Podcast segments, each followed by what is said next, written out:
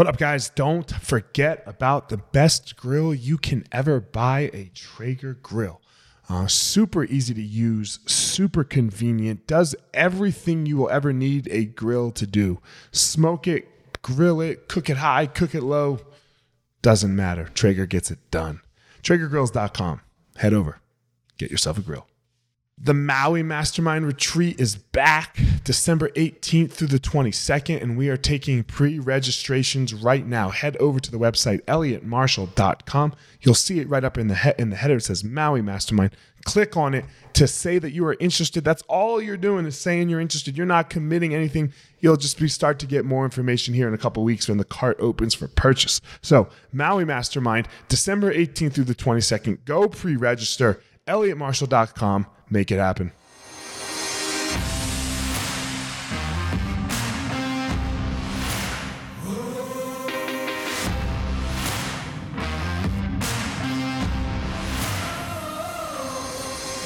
What's up, my ninjas? This is former UFC fighter Elliot Marshall, and this is the Gospel of Fire, where we are going to learn how to go into the fire so that we can find our power and live the best life possible.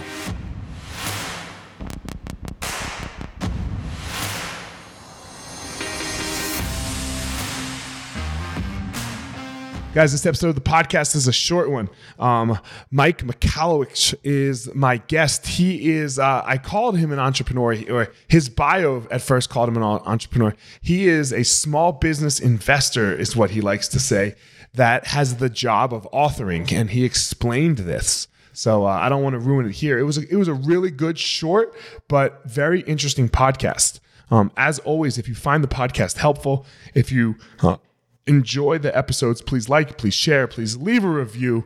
And uh, without further ado, here we go. Mike Michalowicz. Mike, what's going on, man? How are you? Uh, not too much, brother. It's good to be with you. I mean, I'm, I'm looking. It's good to be with you too. I see in your background uh, the "Be You Always." Uh, yeah, I, I like oh, it. yeah. Man. Tell me, uh, tell me where that came from. um, there's a saying from Oscar Wilde. He wrote um, a book called Dorian Gray, and he said, "Be yourself. Everyone else is already taken."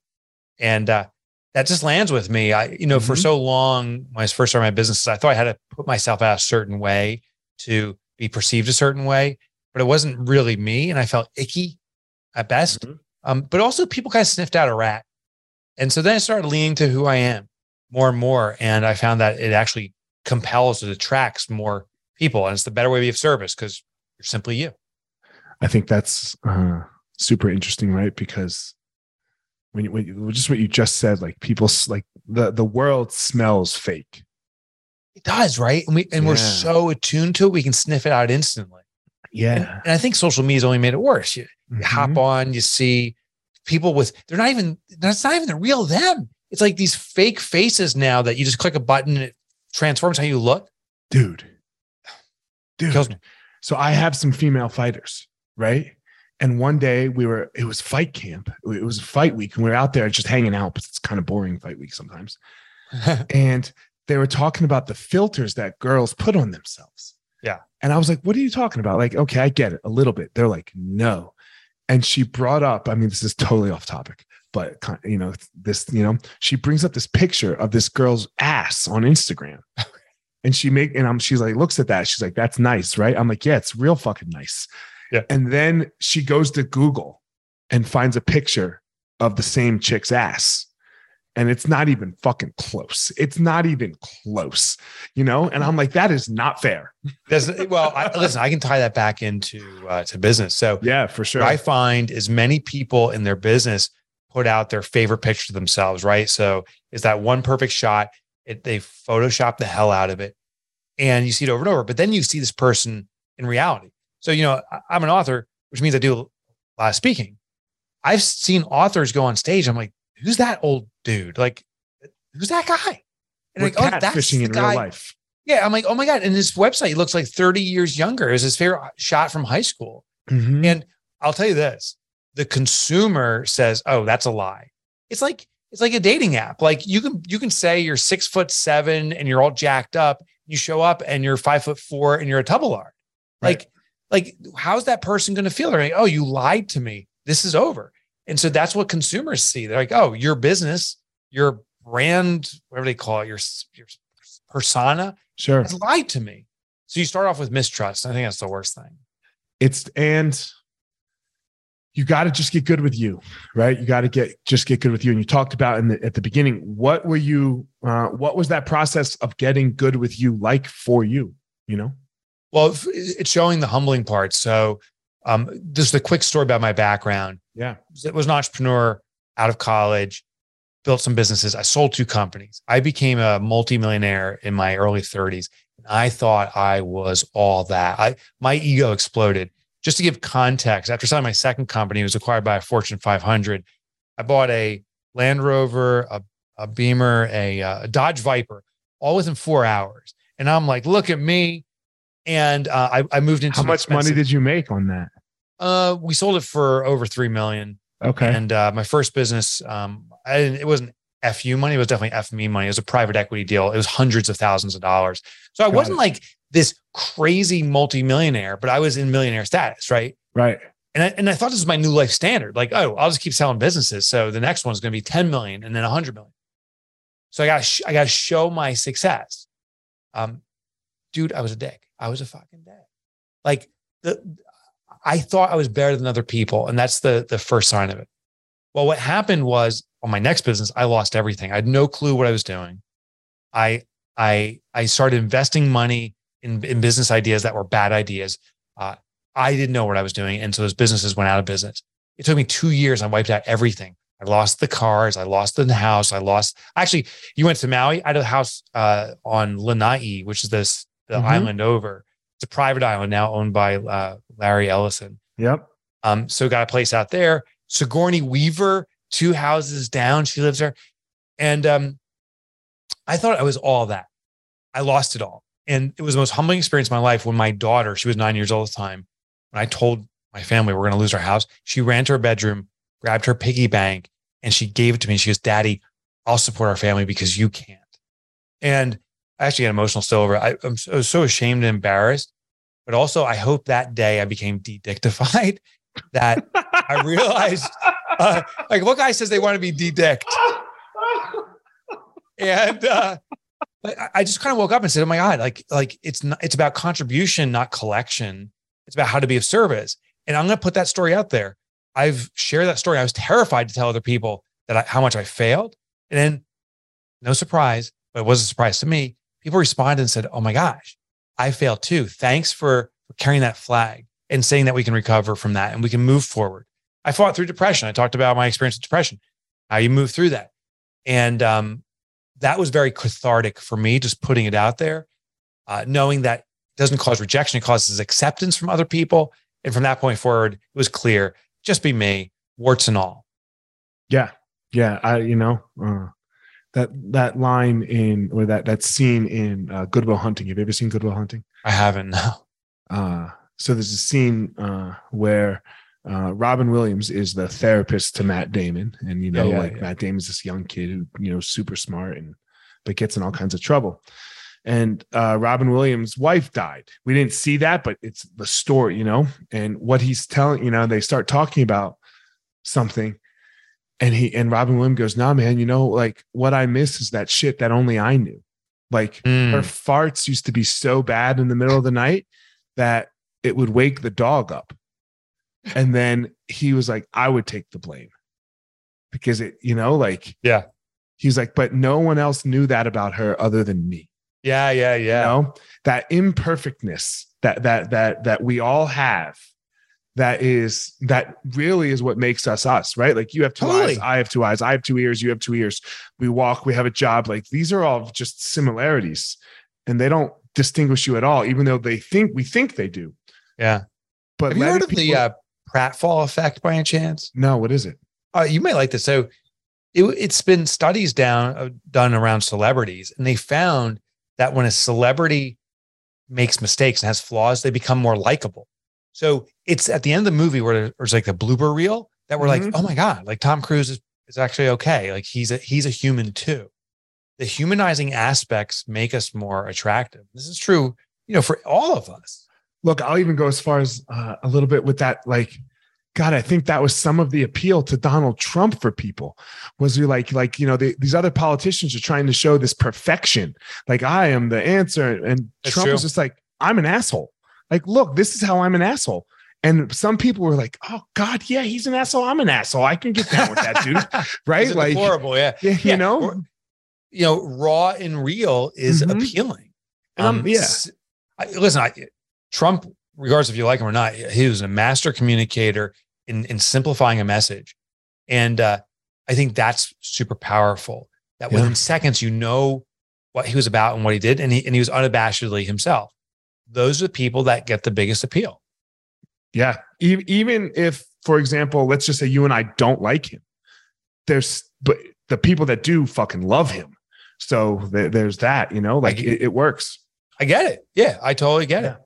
So uh, now you uh, you are still an entrepreneur, right? Yep. And you and explain what it is you do. Yeah. So, well, um, I have equity in in five businesses. I now actually call myself a shareholder of small business as opposed to an Okay. And there's a critical reason. An entrepreneur, I think wrongly, has been defined as hustle and grind. Like if you own a business, you got to work your ass off. And I'm no, no. Entrepreneurship is about having a vision, but choreographing resources to get there. I was reading a study just a few weeks ago. 14% of the world population ever starts a business 20% is only successful, meaning sustainable. It's a healthy business. That means 3% of the people do it right. 97% of the population is actually looking to work for a good, healthy business. So Mhm. our job, an entrepreneur's job isn't to do the job, it's to create jobs. So I'm like, I better stop saying I'm an entrepreneur, bec- I, even though I love the word, because it means hustle and grind. It means working harder than anyone else. I've decided to call myself a shareholder of small business because that means I'm an investor. I give it strategic direction. I vote for where we're going. I share in the profits because it was my investment, my risk, but I don't run the businesses. So I have um, five businesses now for a consulting business. I have uh, a virtual reality, augmented reality company, um, and some other businesses that I am a shareholder of varying degrees. And in some cases, 100%, other times lesser. got it. And uh, that's what I do. But my my job, my day to day is to codify, to extract what I learn in these businesses and all the ones I study of what makes them work well, and then put that in the book. So my job is I'm an author. I'm a full time author who's Okay. also a shareholder in a small business. Man, I really liked how you put this because I think you know uh, a lot. Everyone says they're an entrepreneur right now, and I agree with you. An entrepreneur, like Yeah. if you open if you open a small business, you're not an entrepreneur. You're a businessman or a Yeah. businesswoman. That's it. You know, entrepreneurs have multiples, right? They, they have multiples, has has vision, um, challenges the norm, wherever the accepted principles are. So I'll give you an example. I- One of my books is called Profit First. I'm not trying to be pluggy here. yeah, no, it's fine. But what, what I discovered is we believe, and we've been told that profit comes last. We call it the bottom line or, or you know, the year end. These are all terms and phrases say comes last. But what I also noticed is almost no businesses are profitable. Most businesses survive check by check. I'm like, hold on. If we get into our business to be wealthy or financially free, why aren't we successful? And I looked at that formula one day and said, oh my gosh, it's because it's the bottom line when something comes last, it's human nature to delay it, to ignore it. Most of us say profit's going to happen one day and it never does. So what I did in profit first, I flipped it. I said profit comes first. Every time we have a sale, we take a percentage profit, hide away. It- it's the pay yourself first principle applied to business. Then I converted that into a business itself. So I have uh, over 600 accountants and bookkeepers who now flip the formula. They teach this new method. And to me, that's what's entrepreneurial. That there's an established approach. Profit comes last. You need your accountant to do that. We're trying to redefine saying, no, no, profit comes first. We're going to ensure every transaction is profitable. And that's what an accountant really is supposed to do. Explain that more to me because, like, for example, I, let's say I start uh, an online uh, an online store. Yeah. right. An online store. Uh, how do I make profit first? How, Yeah, how do you yeah. profit? Right. You know. Yeah. right. That, that- or and let- it already starts fighting beliefs. hold on. Let's, are let's like, make it more difficult. Let's go. Uh, uh, a brick and mortar store. I, I have a bookstore. I opened a bookstore. yeah, oh, you yeah. know? How how do I go profit first when there's all these bills to pay? Right. And and coincidentally, uh, our team was just working with a bookstore in Alexandria, Virginia Okay. last right. week. So this is as a perfect example. Um, That was not set up, by the way, everybody. It- it we, we had the, we, we had no clue that that was I, happening. I had no clues coming. Most of us have been told that takes money to make money. So we're going in with this preordained preordained belief that I got to pump money in to get any money out. So the first thing is, even if you're in the starting phase, why does it cost any money to get books? You know this bookstore reached out to authors and said, we're on our, our launch uh, month, we're going to put any books that you want on the front shelves. We're going to position that way, not based on orders, but by your contribution. So authors said, well, I, I want to get that exposure. And they gave books away. I contributed 15 bucks. I want my books there. So they were able to get an inventory for nothing. And the reason they did this is they said, well, how are alternative ways of growing my business? Inevitably, if you don't use money, you have to use something that's even more powerful and your mind. You have to think innovatively. Now that they had this start going, then they said every time there's a transaction, they make $20 on average per book sale retail. They first take the profit out of it. So it's a predetermined percentage. They run it at 15%. So a $20 book sells, they take $3, they put it into an account called profit, and they hide that money away. It's like sticking it in some kind of safe. They can't even see it. Now they have $17 to work with.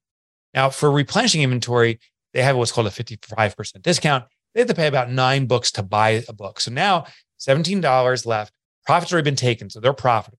They take uh, uh, $9 and they put it into another account called inventory purchase. Now they start building up funds to purchase the next series of books. Now there's $8 left. That goes to payroll and other elements. So it, it all flushes out.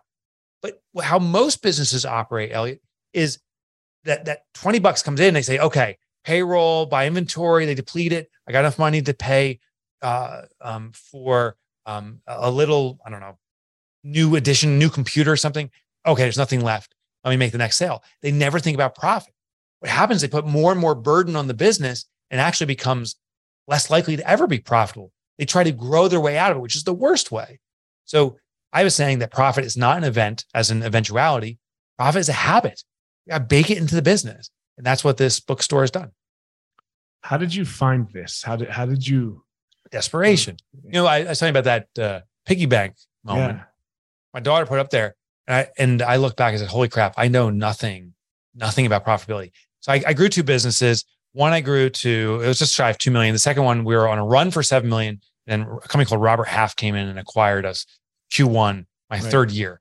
It was explosive growth, but those businesses weren't profitable. I refinanced my house twice. I borrowed from family and friends to cover bills. I was in desperate survival mode.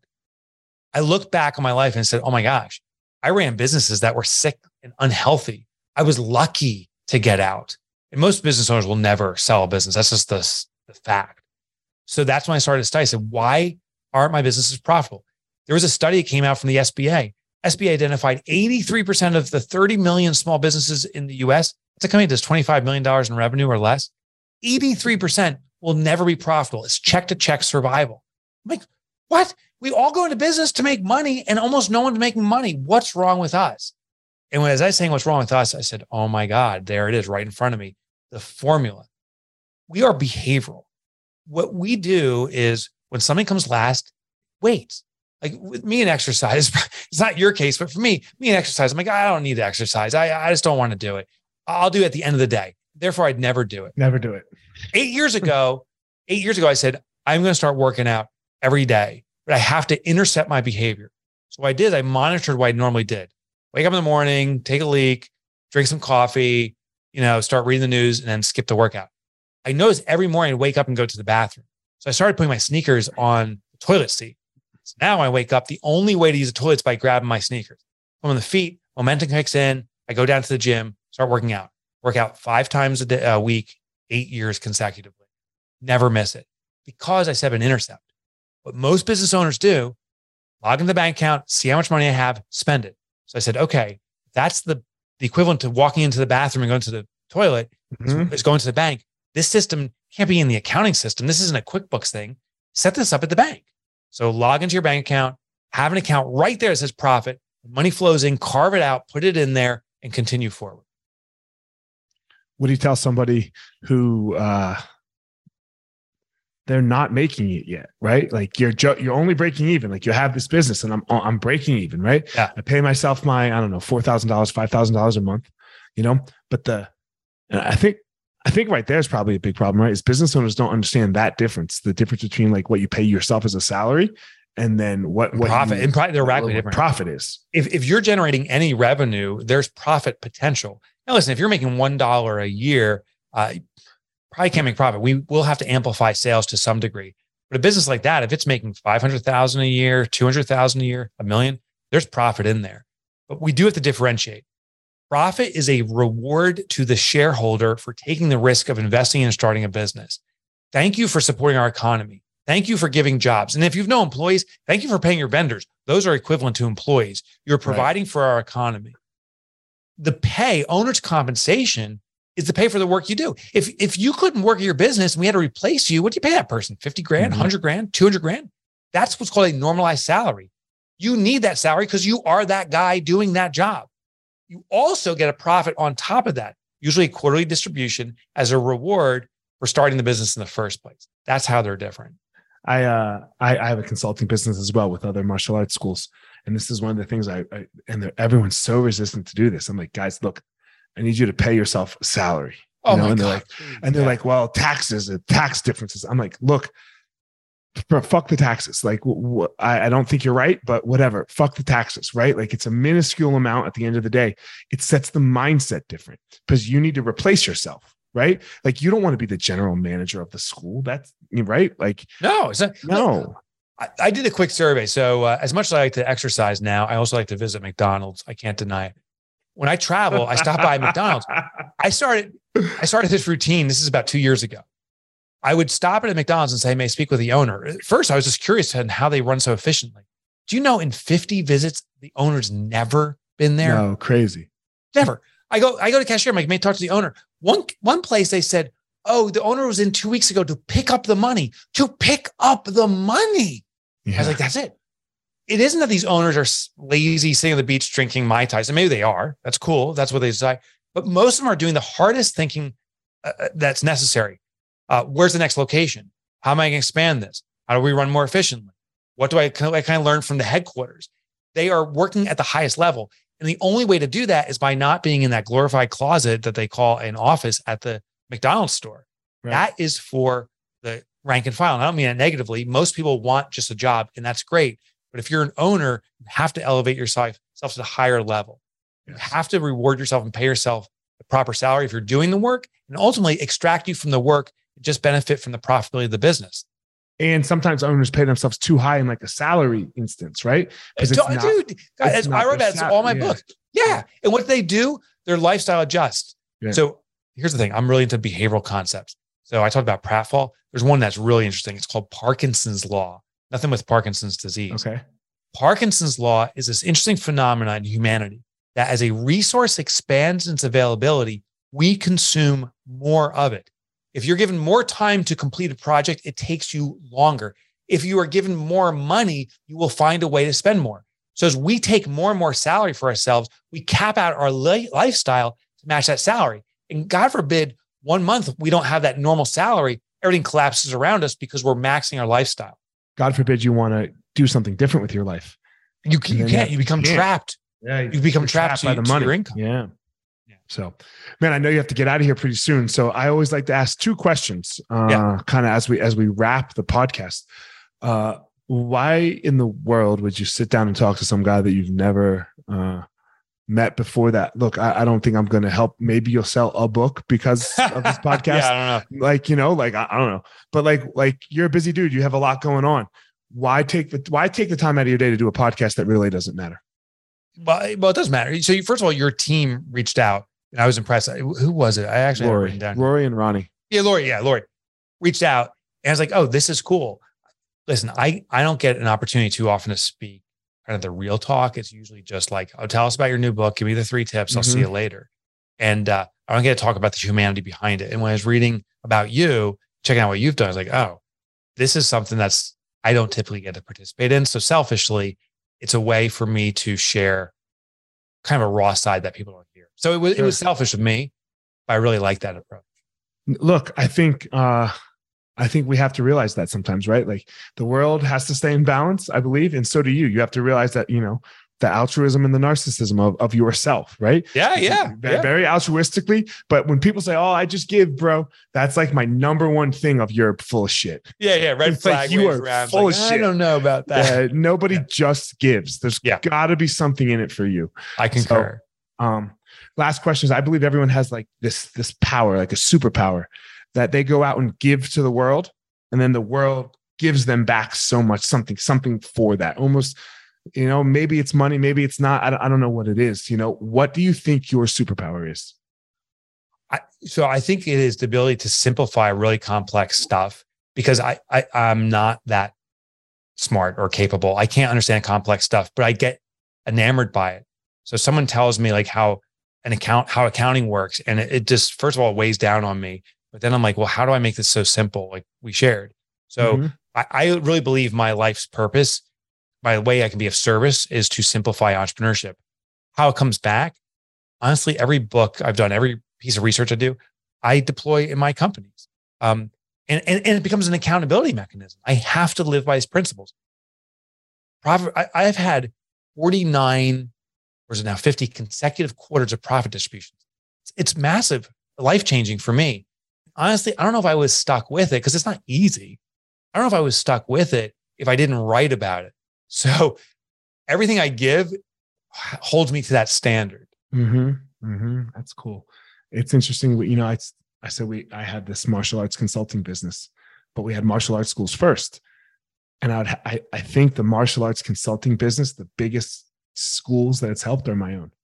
Because it's yeah, like, yeah, oh yeah. my- now right? like I train my employees just the way like with the, the employees get trained off off of these videos that we make for these other people. But it's like this is how we do it. I'm like, oh, wait a minute. Yeah. Instead of me training you, just here, here's the video. Watch Yeah. that, and then we'll come back to it. So it's really interesting how how your own work really helps yourself a ton. So I'm with you. Uh, Mike, tell everyone where they can reach out to you, they can find you, they can find your books, uh, social media, all that stuff. Uh, my name is Mike Michalowicz. No one can spell it. So I'll give you a cool shortcut. I mean, it's not cool. Mike Motorbike. It's a nickname I got in grade school. It's the only one that's not like X rated. Otherwise, other ones I can't share. But uh, so I got the domain, MikeMotorbike.com. okay. Try to go there. You'll see all the work I do, all the research I do. I used to write for the Wall Street Journal for years.